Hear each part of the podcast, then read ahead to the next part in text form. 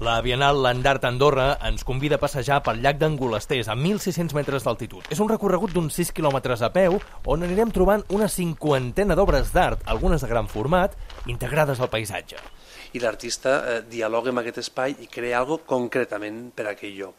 La Bienal és, és un laboratori també, és a dir, nosaltres deixem que l'artista eh, ens proposi el que sigui. Hi ha molts artistes que en bienals i en, en festivals així és quan poden explorar i, i presentar coses que potser no estan acostumats a fer, però que són originals i, i, i atractius. No? Pere Moles és el comissari del Landart Andorra que aquest any es pregunta com seria el confinament a la muntanya.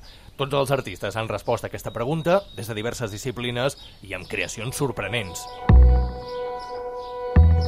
els artistes ens han sorprès. Ens imaginàvem moltes cabanes i moltes, molts espais d'habitatge als arbres i, o, en, o en espais de, dintre la natura, però ells han anat molt més lluny i ens han plantejat unes reflexions que, molt creatives i molt lligades amb la seva amb la seva tasca més artística, si és escultura, si és fotografia, si és...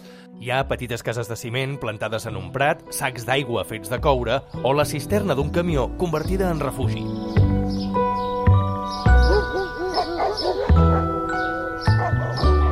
Aquesta quarta edició, a l'Andart Andorra ha rebut més de 200 propostes. El comissariat n'ha escollit una cinquantena de creadors japonesos, britànics o argentins, una vintena de nacionalitats.